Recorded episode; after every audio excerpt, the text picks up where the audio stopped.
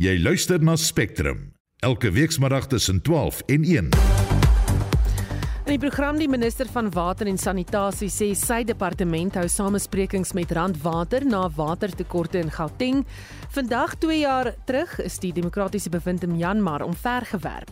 Nearly half of Myanmar's population is now living below the poverty line. 17.6 million people are expected to be in need of humanitarian aid in 2023. En die verskyning van 'n beweerde pedofiel in die hof plaas die klem op nuut op kinders se kwesbaarheid op die internet. Online trafficking, I believe, is the fastest growing crime in the world. There is great technology available these days that you can put onto the phone to protect your children. Don't just go out there, buy a smartphone and give it to your child and say, here we go. Die span in die ateljee se redakteur Marlenae Forsie, produksieregisseur Daitrin Godfrey en ek is Susan Paxton. Daar is geen verkeer. In KwaZulu-Natal staan 'n voertuig op die N2 suid net uh, voor Inanda weg in die linkerbaan. In Kaapstad staan 'n voertuig op die N1 uh, inwaarts net na Sybelweg regterbaan is gesluit. Terug in Johannesburg staan 'n voertuig op die N1 suid net na Ellendale weg een baan wat daar uh, toe is en dis jou verkeersnuus.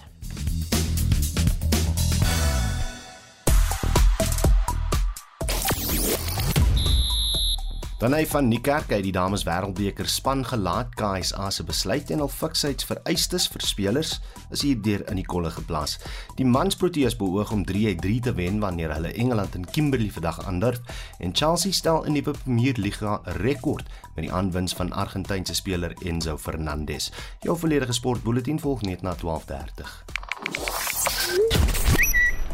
Op sosiale media praat mense oor hitsmerk Pies for You. Almal praat oor hulle gunsteling pastai. Die ander tema is hitsmerk Escort Original en ja, dis 'n gesprek oor weense worsies en hoe lus die nasie daarvoor is. En sosiale media gebruikers praat ook oor hitsmerk SA Tourism nadat dit aan die lig gekom het dat die minister van toerisme en uh, die toerisme raad tot in Tottenham Hotspurs wou borg soos deel van 'n toerisme bemarkingsveldtog van die gebruikers wat dan sê hulle is ten gunste daarvan. Ons vraag vandag is Suid-Afrikaners is gefrustreerd gefrustreerd omdat hulle sê hulle ontneem word van hulle basiese reg tot drinkwater en sanitasiegeriewe. Ons berig nou die hele week lank al van die erge waterverskaffingsprobleme in die land. 'n Kommissaris van die Menseregte Kommissie, Andre Gam, sê mense kan 'n klag by die kommissie indien as hulle voel hulle basiese reg tot water word geskenk of geskenk eerder. Is dit iets wat jy oorweeg? Dink jy dit gaan help? Stuur 'n SMS na 45889. SMS se kos R1.50. Jy kan ook 'n stemnota stuur laat hoor van jou 076 536 6961 of praat saam op Facebook. Facebook. Spectrum, jou middagnuusprogram op RSG. 7 minute oor 12 en ons waarsku sensitiewe luisteraars dat die volgende bydra inligting van seksuele aard bevat wat sensitiewe luisteraars kan ontstel. Die vermeende seksoortreder Gerard Ackermann wat reg staan op 740 aanklagte van onder meer verkrachting en die verspreiding van kinderpornografie het weer vandag in die Hooggeregshof in Johannesburg verskyn. Ackermann wat nie donderdag verlede week vir sy verhoor opgedaag het nie, is weer Sondag deur die polisie in Florida in Johannesburg in hegtenis geneem. Esie de Klerk doen verslag. Die hof het maandag gehoor Ackerman het 'n bewering probeer om 'n vuurwapen in die hande te kry omdat hy nie tronkstraf wil uitdien nie. Aanklaers het verklaringe in die hof voorgeles wat die ondersoekspan ingesamel het terwyl daar na Ackerman gesoek is en een van Ackerman se kennisse het gesê Ackerman het aan hom gesê hy het al sy besittings verkoop, is op pad na Kaapstad en dat hy 'n vuurwapen soek om sy eie lewe te neem omdat hy nie kans sien om tronk toe te gaan nie. Die staat beweer dat Ackerman betrokke was by 'n kinderseksoperasie waarby na bewering met minderjarige kinders handel gedryf is en hulle dienste aan volwasse kliënte vir geld verkoop is. Hy word ook daarvan verdink dat hy van die slagoffers self verkrag en seksueel aangerand het. Ackerman is aanvanklik saam met senior advokaat Paul Kennedy aangekla wat na bewering 'n kliënt was en Ackerman na bewering gehelp het om tieners vir seksuele uitbuiting te bekom. Kennedy het sy eie lewe geneem nadat hy in hegtenis geneem en saam met Ackerman aangekla is. Martin Pelders, die stigter van die nie-regeringsorganisasie Matrix Men, sê Ackerman se saak plaas opnuut die soeklig op hoe kwesbaar kinders is.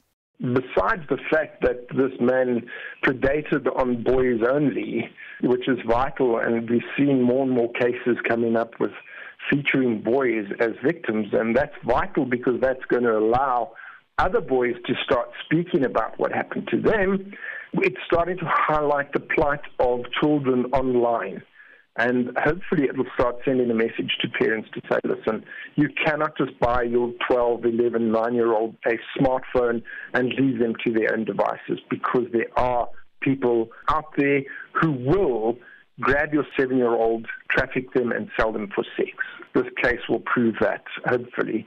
Pelders rig 'n ernstige waarskuwing aan kinders. Never ever meet somebody you don't know. Never meet somebody that you've met online.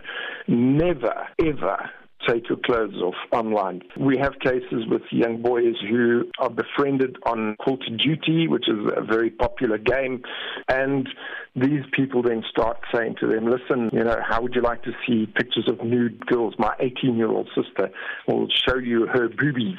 Then the guys, of course. And uh, the simple request then is send me a video of you masturbating or send me a video of your penis or of you naked or something like that. And once the child sends that, they get blackmailed to either send more videos or send money. A lot of kids are getting into the situation, they don't know how to get out of it, they're committing suicide. En aan ouers sê Pelders die volgende. Online trafficking, I believe, is the fastest growing crime in the world. Parents, there are porn blockers, there are sex blockers, there are all that sort of stuff is available. And there is absolute great technology available these days that you can put onto the phone to protect your children. Don't just go out there, buy a smartphone and give it to your child and say, here we go. Dit was die stigter van Matrix Men, Martin Pelders. Die spesiale parlementêre artikel 194 komitee wat die geskiktheid van advokaat Bosisiwe Mqobane ondersoek om haar amptetermyn as openbare beskermer te voltooi duur voort. Die komitee het die dag se verrigtinge begin met 'n vergadering oor 'n brief wat hy ontvang het van die voormalige openbare beskermer advokaat Tuli Madonsela nadat sy deur die parlement gedagvaar is om voor die komitee te getuig. Ons praat nou met ons verslaggewer wat die verrigtinge volg, Joseph Moshia. Goeiemôre Joseph. Middag, middag Susan. Sê vir my, het die komitee enige terugvoer gegee oor Madonsela se brief? Yes, uh, Susan, what has happened is that uh, they had a meeting before the, the public hearings that they have uh, of, of the committee where they discussed the letter that Mkwebane has sent uh, in response to uh, a request by the public protector for her to to to, to, to be a witness on on their list, and she actually had told them that uh, she doesn't see the uh, uh, relevance of her evidence to the committee because she has got nothing to do with the charges that have been uh, put to advocate Mkwebane, but uh, the committee itself had actually decided that no, she needs to come because there is evidence that they want from her regarding uh, specifically the CX uh, report that uh, she handed over to Mkwebane, um, for, to which there are allegations that Mkwebane then went and altered it. And then there's also sorry, the Friede, uh, Friede Farm report in the Free State, which is also one that it is alleged that um, Kwabane uh, altered after uh, Tuli Madonsela handed it over to her. So the committee wants wants her to come, uh, even though they rejected uh, uh, the, the, the, the calls by the public protectors uh, lawyers to uh, subpoena other uh, witnesses like uh, the president and, uh, and, and Ms. Mazzoni, who is a member of the committee, and others. So at, at the moment, they have they are still insisting that. Uh, Mkwabane, uh, sorry, Madonsela should appear before the committee. Among the reasons Madonsela gave in her letter for refusing to or, or not being keen to, uh, to, to come to the uh, committee was uh, that uh, when she tried to brief on on uh, a complete uh, hand, hand over to her, Mkwabane had actually cut communication between herself and the former public protector. So these are some of the issues that uh, are in the letter that she wrote to parliament. So het die komitee nou al gesê of Madonsela dan nou gaan getuig? Yes, the committee has decided that she has to appear and she has to. So they, they are sending if she she doesn't uh, come after a meditation, they're going to be. Uh, I think that the subpoena to her to appear, uh, which uh, by legally she cannot ignore, uh, has already been uh, drawn and signed. It just needs to be sent to her because, according to the legal representative or the legal advisor of Parliament, Ms. Fatima Ibrahim, that that letter had not yet been uh, sent since the last meeting where it was agreed that she should be subpoenaed. But uh, now the, the committee has finally decided that that subpoena must go and she, she must appear before the committee.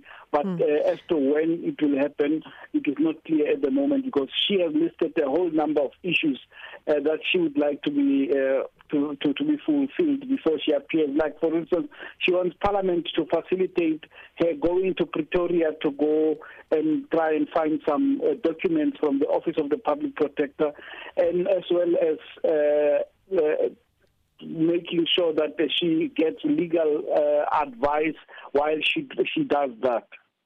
En het die volgende getuie nou al begin getuig? Yes, uh, the, the, the, the next uh, uh, witness is Mr. Siabe. Mr. Siabe is uh, a, a, resident of Limpopo. Uh, a previous witness to this uh, to this hearing, Mr. Zepelo Samuel, was convicted of beating up Mr. Siabe when he went to lay a complaint at the Limpopo offices.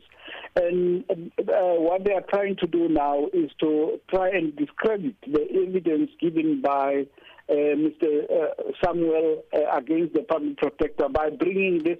He's an elderly gentleman, Mr. Siabe, uh, who is now speaking through an interpreter uh, to explain what had happened to, to, to, to him under uh, under Mr. Samuel. And actually, she, she he is very angry that uh, uh, the former public protector Tulima Donzela had protected Samuel uh, instead of protecting him as a, as a member of the public. So mm. she, he, he is continuing to, to be uh, uh, questioned by Advocate Mpofu on behalf of the public protector. Baie dankie het gepraat met ons verslaggewer wat die verrigtinge van die parlementêre artikel 194 komitee dophou Joseph Mushia. Suid-Afrikaners sukkel nie net met beerkrag nie, maar landwyd loop krane nou ook droog weens die impak van beerkrag op waterverspreiding.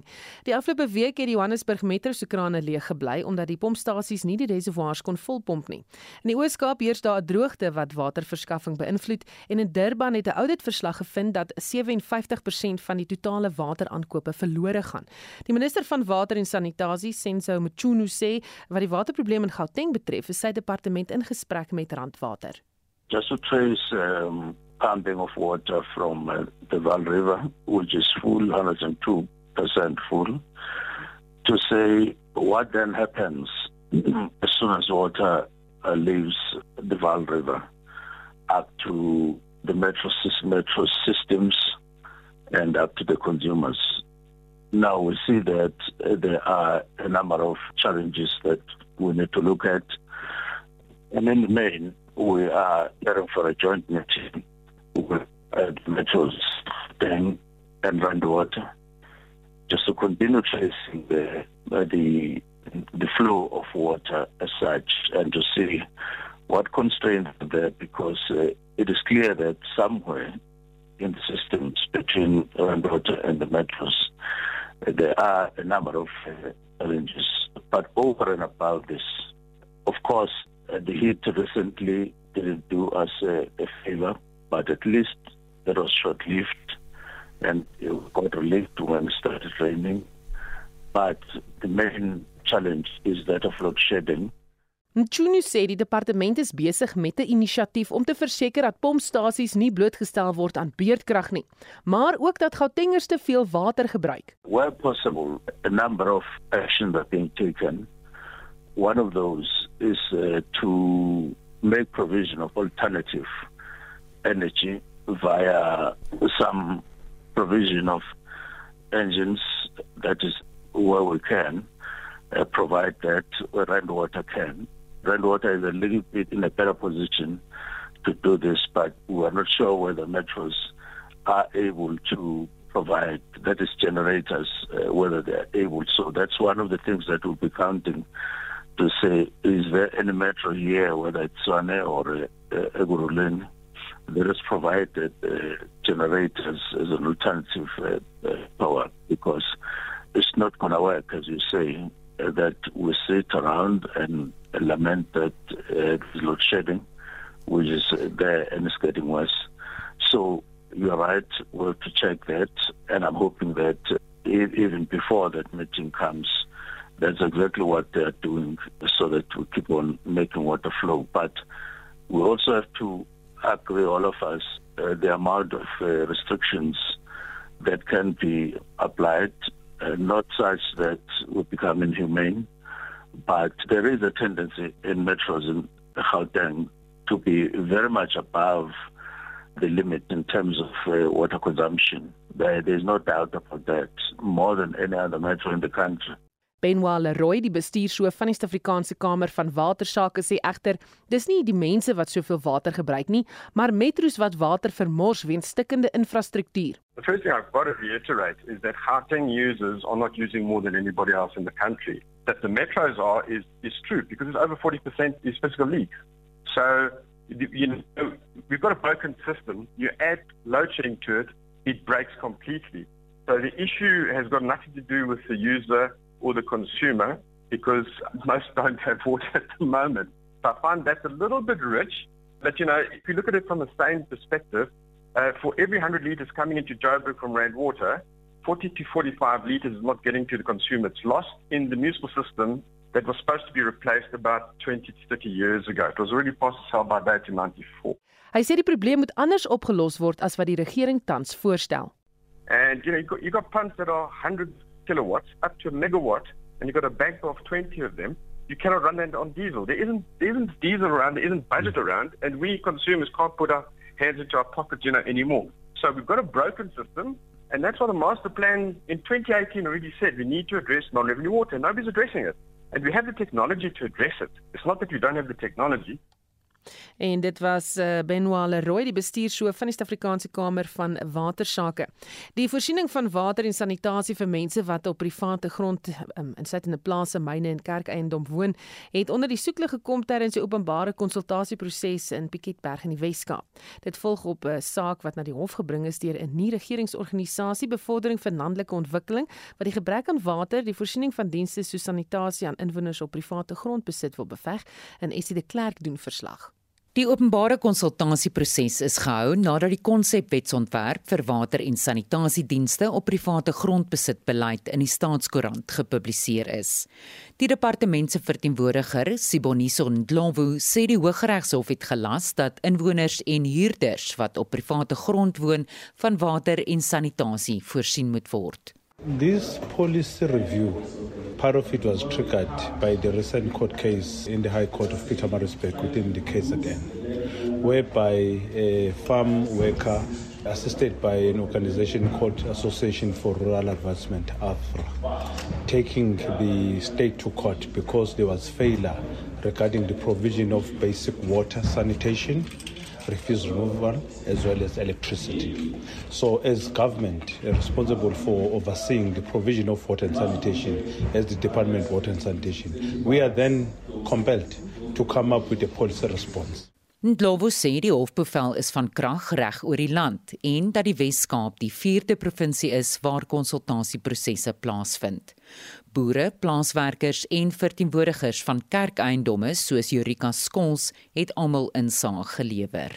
We are upping our side in agriculture, taking the responsibilities of sometimes government and the municipalities to supply these services on farms, even where they are working in the vineyards, in the orchards. We have water and toilet facilities, which needs to adhere to a certain standard. Ndlovu sê die doel van die beleid is om 'n raamwerk te formuleer om die voorsiening van water aan mense te verbeter. We are clear on this policy review. Firstly, for farm workers or mine workers, it's the responsibility of the mine owner or the farm owner to provide water and sanitation services. But if they are dwellers, people are not working for that private owner then the responsibility rests with a local government by the name of a water service authority because it's a municipality that is having powers and functions to provide water and sanitation to people within their jurisdiction, including people living on private owned land. Openbare deelname het reeds plaasgevind in KwaZulu-Natal, Mpumalanga en Limpopo. Die verslag is saamgestel deur Mlamli Maneli en ek is Estie de Klerk vir SAK nuus. 'n Onafhanklike Verenigde Nasies kenner oor Myanmar, Tom Andrews, vra die internasionale gemeenskap om die militêre junta wat die land onwettig regeer diplomaties te isoleer.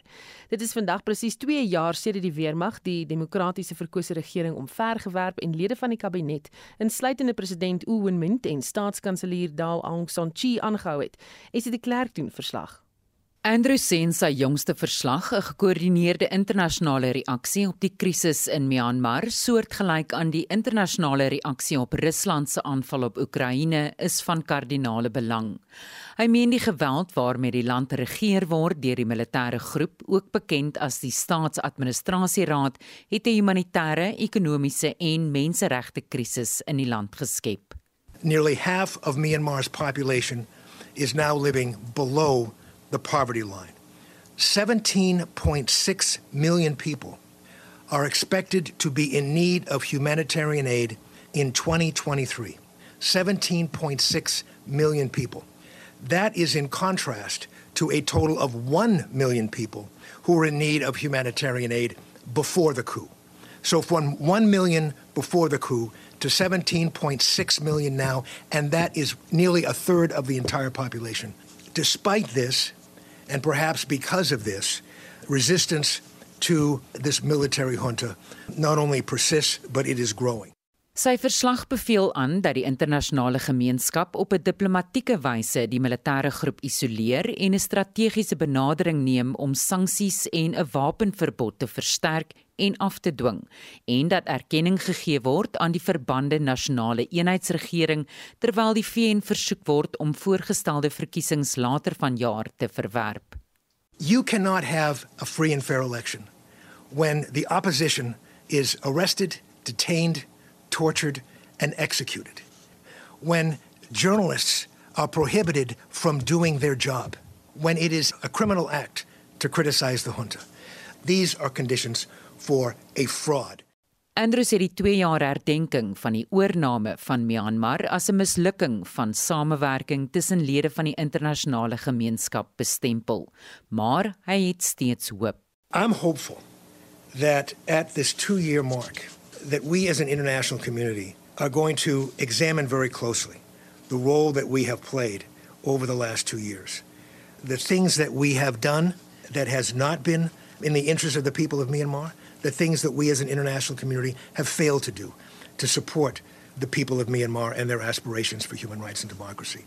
I am hoping that this report will be a resource for member states as they consider the role that they've played and the role that they might play into the future.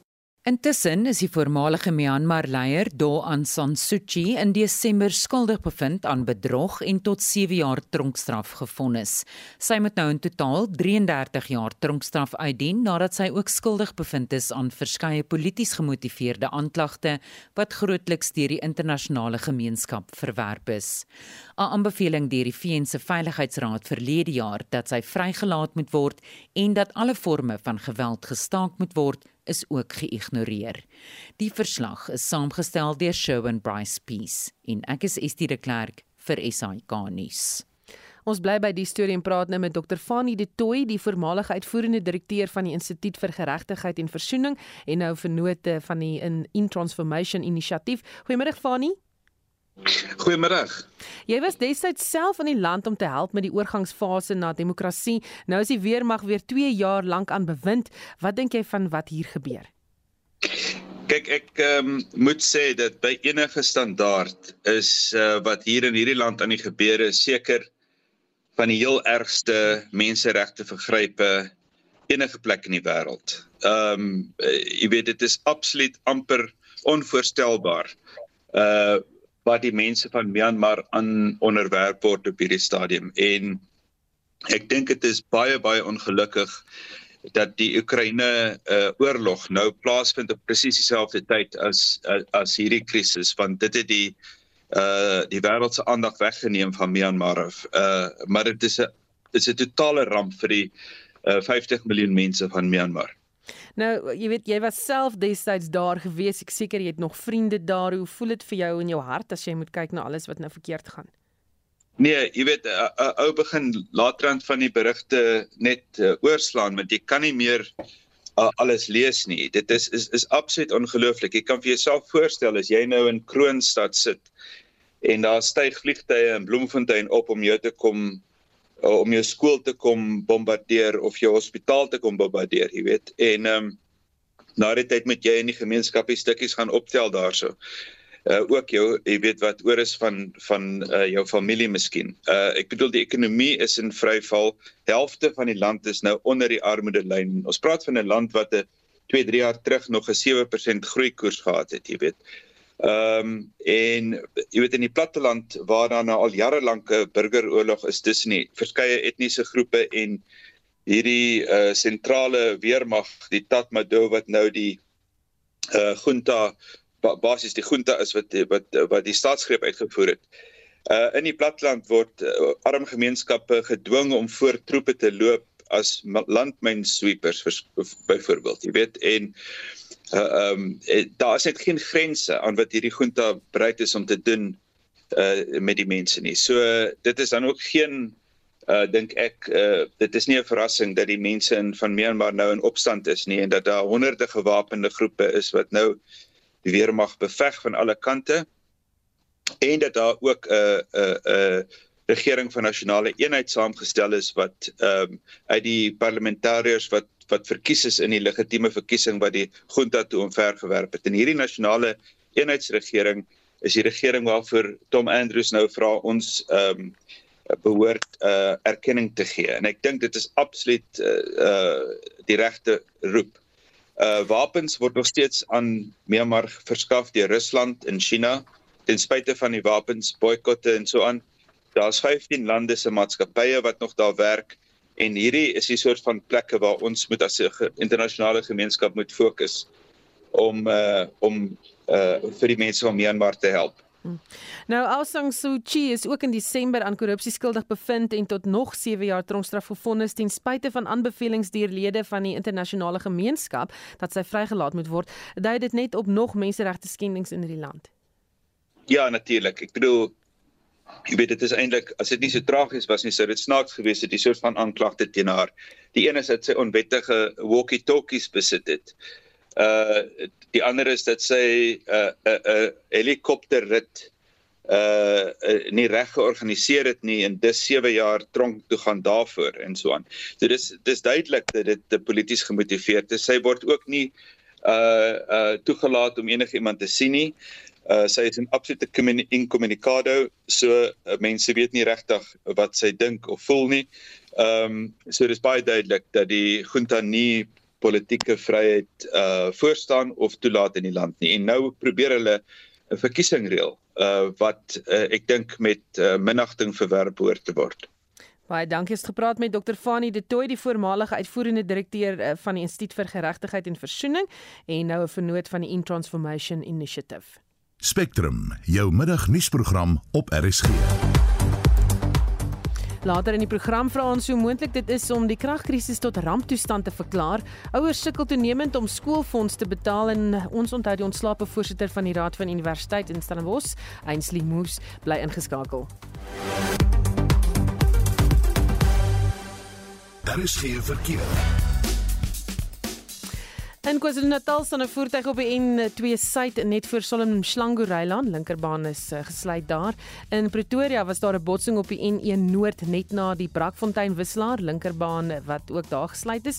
Terug in KwaZulu-Natal staan 'n voertuig op die N2 suid net na die Umhlanga wisselaar in die linkerbaan en dit is jou verkeersnuus.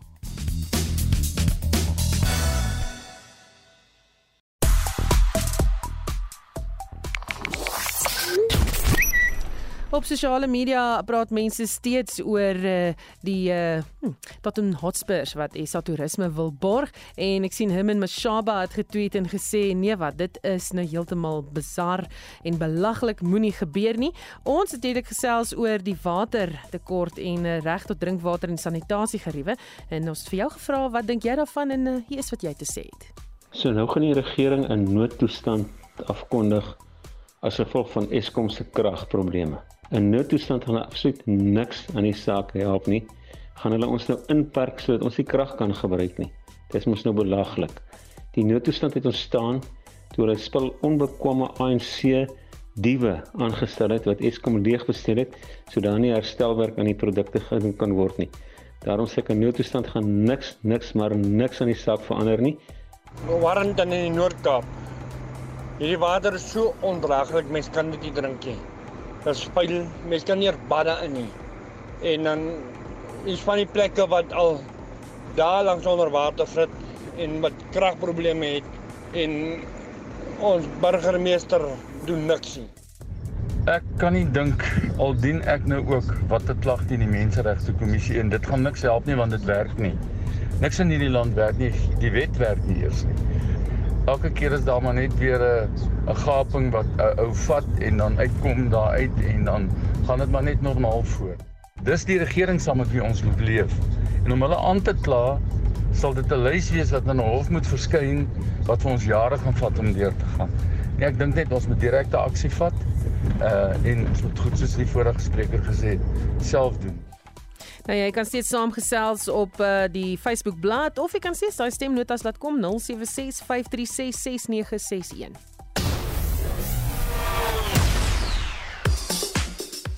En uh, Udo Karelse sit gereed met die jongste sportnuus. Udo, die vroue wêreldbeker spelersgroep vir hierdie maand se T20 kriket wêreldbeker op tuispodem is gister bekend gemaak, maar daar word wyd gedebatteer oor die uitlating van die kaptein Duin van Niekerk. Hoe so? Ja, Kriket Suid-Afrika se fiksheidsvereistes is behoorlik aan die kollig na die besluit om die kaptein Danai van die kerk uit te laat. Nou deel van die vereistes Susan is dat alle senior dames 2 km moet kan aflê in 9 minute en 30 sekondes.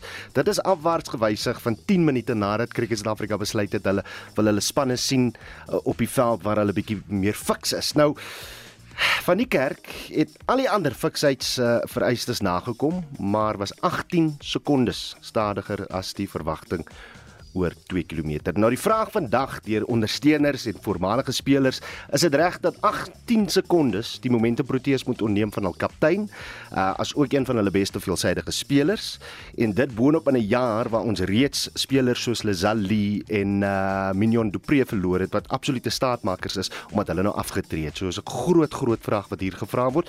Uh, Cricket Suid-Afrika het op sy we sy beurt uh, leidenshoofkeerder Clinton Dupré het gesê hulle hulle moet eenvoudig net streng getrou bly aan die vereistes wat van alle spelers verwag word. Kan jy se vinnig hardloop?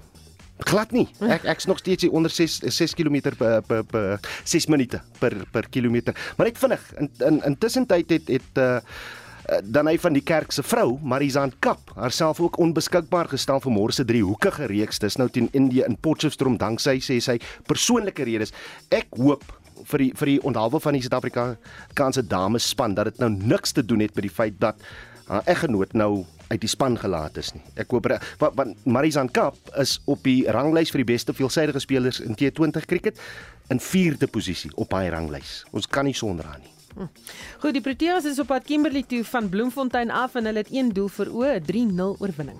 Ja, absoluut. As jy my gesê het dat ons Proteas vandag nog oorwonne is teen die wêreldkampioene in eendag cricket sou ek gesê het jy's laf, maar uh, Themba Bavuma se span het uh, die hoogs onwaarskynlike reg gekry en hulle is nou op dreef vir 'n 3-0 sege teen 'n taai teenstander. Uh, ek sien Themba Bavuma het nou net die lood gewen. Ons gaan weer bal. Uh, die wedstryd begin om 1 uur en sal op SAK Sportkanaal te sien wees. Jy kan ook luister na die wedstryd kom kommentaar op uh, Radio 2000 Ekstra en RSG sal jou ook heel middag op hoogte, hoogte hou van sake. En gister was die laaste dag vir sokkerspanne om nuwe spelers aan te koop en ek sien in die Premier Liga in Engeland het Chelsea die chequeboek behoorlik ingespan. 'n Interessante storie. Hulle het om en by 2.3 miljard rand betaal vir die dienste van Argentynse middelveldspeler Enzo Fernandez vir 'n skuif van sy Portugese klub Benfica. Is nou 'n nuwe rekord vir die Engelse Premier Liga. Fernandez is na die Wêreldbeker in Qatar aangewys as die beste jong speler van die toernooi. Hy sê dit verlede Junie met Benfica in Portugal. Wie hoeveel het hulle hom uh, vir hom betaal van sy uh, oorspronklike klub uh, River Plate? 'n mm -mm. tiende van wat Chelsea nou betaal. 203 miljoen rand. Hy's nou net gekoop deur Chelsea vir 2.3 miljard rand. Nou dis goeie besigheid. Ja nee, dan jy jouself behoorlik verkoop. Baie dankie. Dit was Udo Karelse met die jongste sportnuus. Spectrum, jou middagnuusprogram op RSG. Bykans 20 minute voor 1. Die ANC terwyl sy Lekgotla die afgelope naweek voorgestel dat die kragkrisis in die land as 'n ramptoestand verklaar word.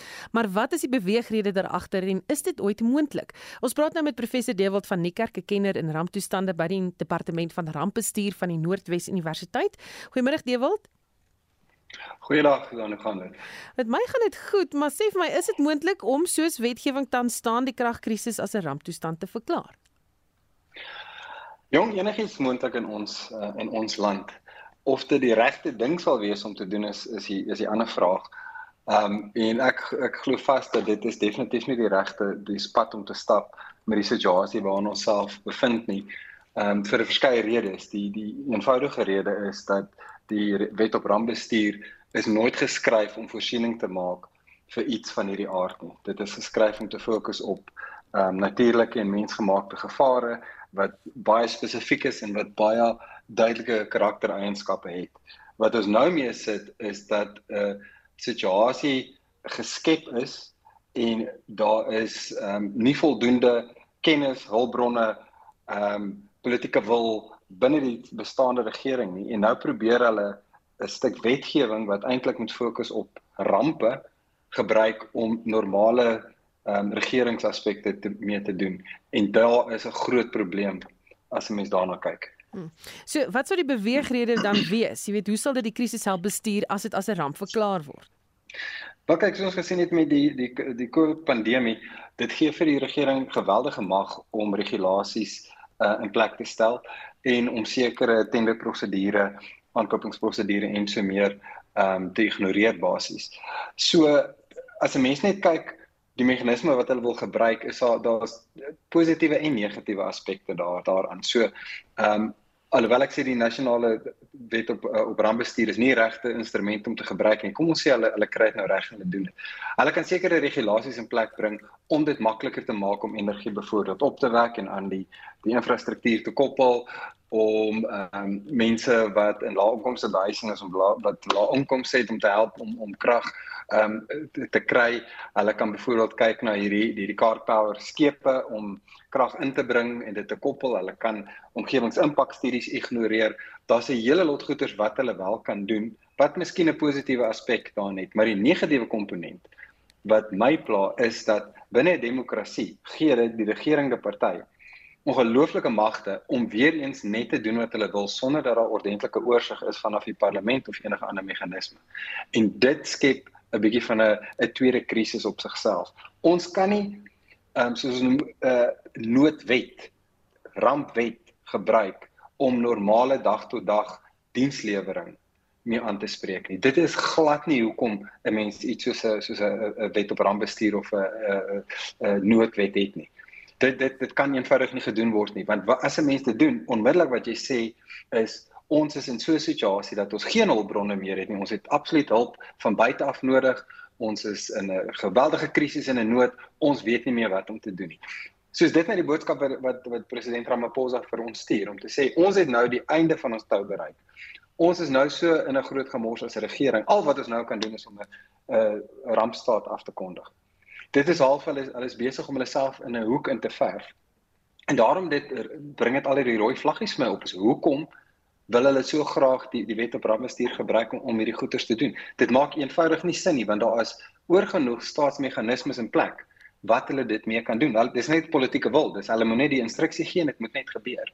Hmm. Maar daar is die, die regeringpartye is so groot krisis. Ek dink nie hulle hulle het eintlik 'n idee wat om nou verder te doen nie. Ek wou net vir jou vrou, dink jy moet die krisis bestuur word?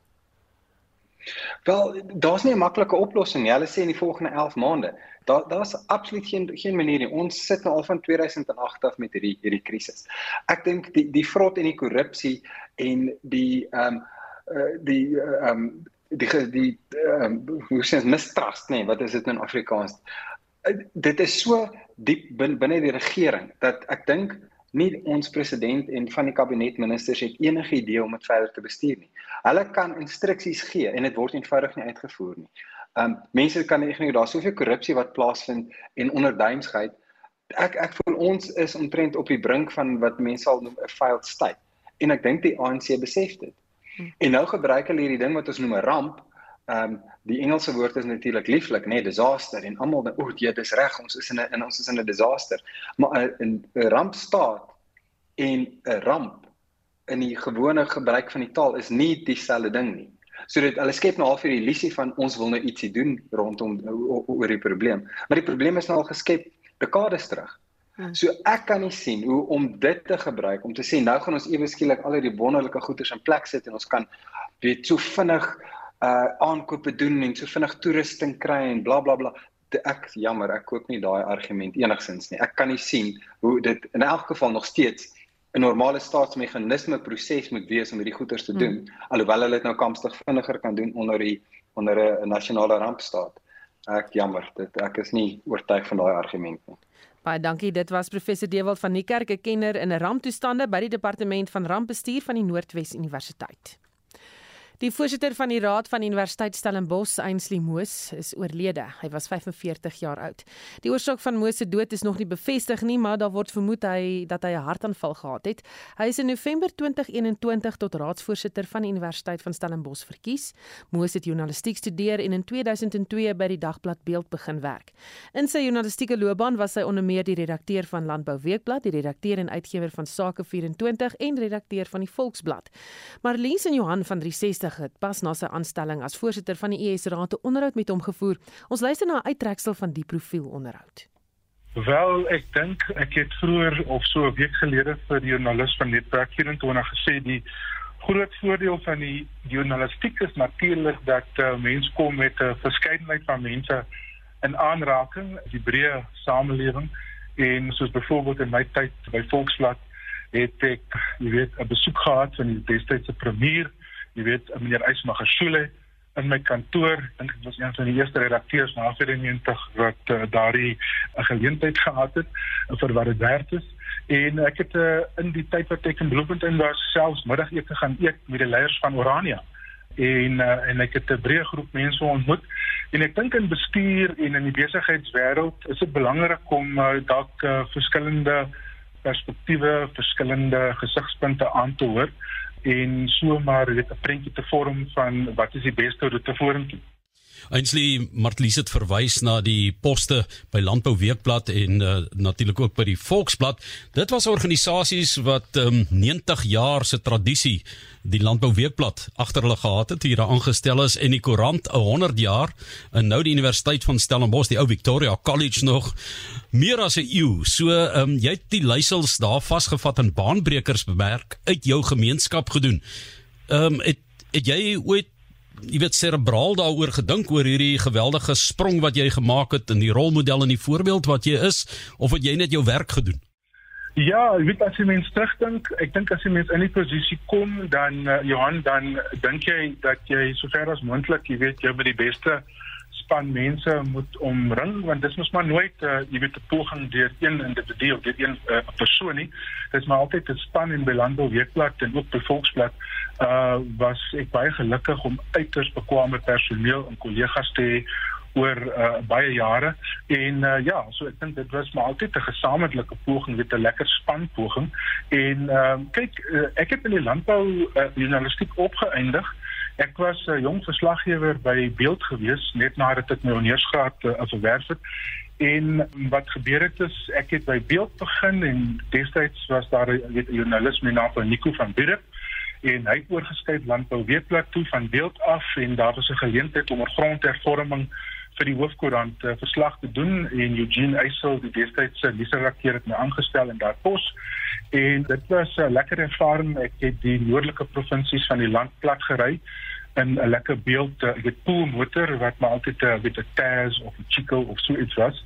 En jy het op interessante plekke opgeëindig en toe eendag toe kom staan Jan de Lange wat vandag nog verslaggewer is by Rapport en altyd baie goeie rubrieke oor die politieke ekonomie geskryf het kom staan hy eendag by 'n lesenaar en hy sê luister maar raak in 'n pos ook by die sake deel van die koerant. En ons dink jy moet aansoek doen en ek het hom gesê maar Jan ek weet baie min van die sake wêreld en hy het gesê dit is reg ons sal jou leer en daar het eintlik vir my hierdie liggie so 'n bietjie aangegaan want my groot word jare van waar ek kom was daar nie eintlik jy weet soort van rolmodelle uit die sakewêreld uit En dit was die stem van Ainsley Moos. Dankie aan Ignatius Vlok vir die beskikbaar maak van hierdie onderhoud. Jy kan die volledige onderhoud gaan luister op Potgooi. Jy soek net die titel Ainsley Moos, nuwe voorsitter van die US Raad. Beerdkrag, rentekoersverhogings en selfs die hoë koste van brandstof plaas tans soveel druk op huishoudelike finansies dat al hoe minder ouers skoolfonds kan bekostig. Dis van die jongste bevindinge van die TPN kredietburo se indeks oor skoolinkomste. Waldo Marcus, die bemarkingshoof van TPN sê daar is skole met uitstaande skoolfonds ter waarde van 30 miljoen rand. To give you an idea, during the pandemic, only 50% of parents may were in good standing, meaning that only 50% of parents during the pandemic made their obligations in full. This, of course, recovered very well to in 2021, where just over 63% of parents were in good standing. The concern is in the end of last year, 2022, we had a drop down to about just over 62% of parents were in good standing. The concerning trend, the real concern trend is, is that almost a quarter of all parents have made almost no payments towards their school fees last year, meaning that schools are sitting with 75% of their real revenue that they can use. Marcus sê skole maak staat op die feit dat ouers hulle skoolfonds sal betaal om sekere dienste te kan lewer. Maar as ouers nie betaal nie, kan dit uiteindelik die kwaliteit van onderrig benadeel. I think the one that's at the top of the list, the top of everyone's minds right now is the ability to provide continuous electricity. The cost of doing that has increased. Fuel prices have been very high. Inflation, the recent interest rate hikes, which we expect to continue in the foreseeable future. And this is placing more and more pressure on the household purse. In addition to that, a lot of household incomes have remained relatively flat in comparison to what we've seen uh, the cost of food, the cost of fuel, the cost of paying your bond or even your rental has continued to increase. So households are sitting with, I've got this pot of money and I need to provide for various items that is critical to our survival. And then you also sit with education, which you want to provide the best for your children. And this is becoming more and more expensive. If you look at um, school uniforms, stationery, transport. Transport was also listed as one of the other biggest challenges that schools are facing. Late arrivals and reliable transport is one of the biggest concerns. And again, that ties back to it becomes more expensive, and especially with reliability in South Africa, it's just adding more and more pressure to the household in general. Hy sê daar's egter ouers wat die feit dat kinders se reg tot onderrig in die grondwet vervat is, misbruik om nie te betaal nie. We urge schools to really look at and say collect as much school fees as possible. We know people are also abusing the system. They've got very expensive German sedans driving around, but yet they don't pay school fees because we are regulated and students are protected from being not allowed back into school. And some people are abusing it. En dit was uh, Waldo Marcus, die bemarkingshoof van TPN Kredietburo. Es het vir ons die nuus en ontwikkelende stories dopgehou, Estie. Susan Beerdkrag is nie Suid-Afrikaners se enigste kopseer nie, maar toenemend ook krane wat leegloop weens die impak van beerdkrag op waterverspreiding. Die minister van Water en Sanitasie, Senzo Mchunu, sê die departement is besig met die inisiatief om te verseker dat pompstasies nie blootgestel word aan beerdkrag nie, maar dat Gautengers ook te veel water gebruik. Where possible, a number of actions are being taken. One of those is to make provision of alternative energy via some provision of engines uh, provide that rainwater can. But we also have to agree, all of us, uh, the amount of restrictions that can be applied, not such that we become inhumane, there is a tendency in metros in Gauteng to be very much above the limit in terms of uh, water consumption.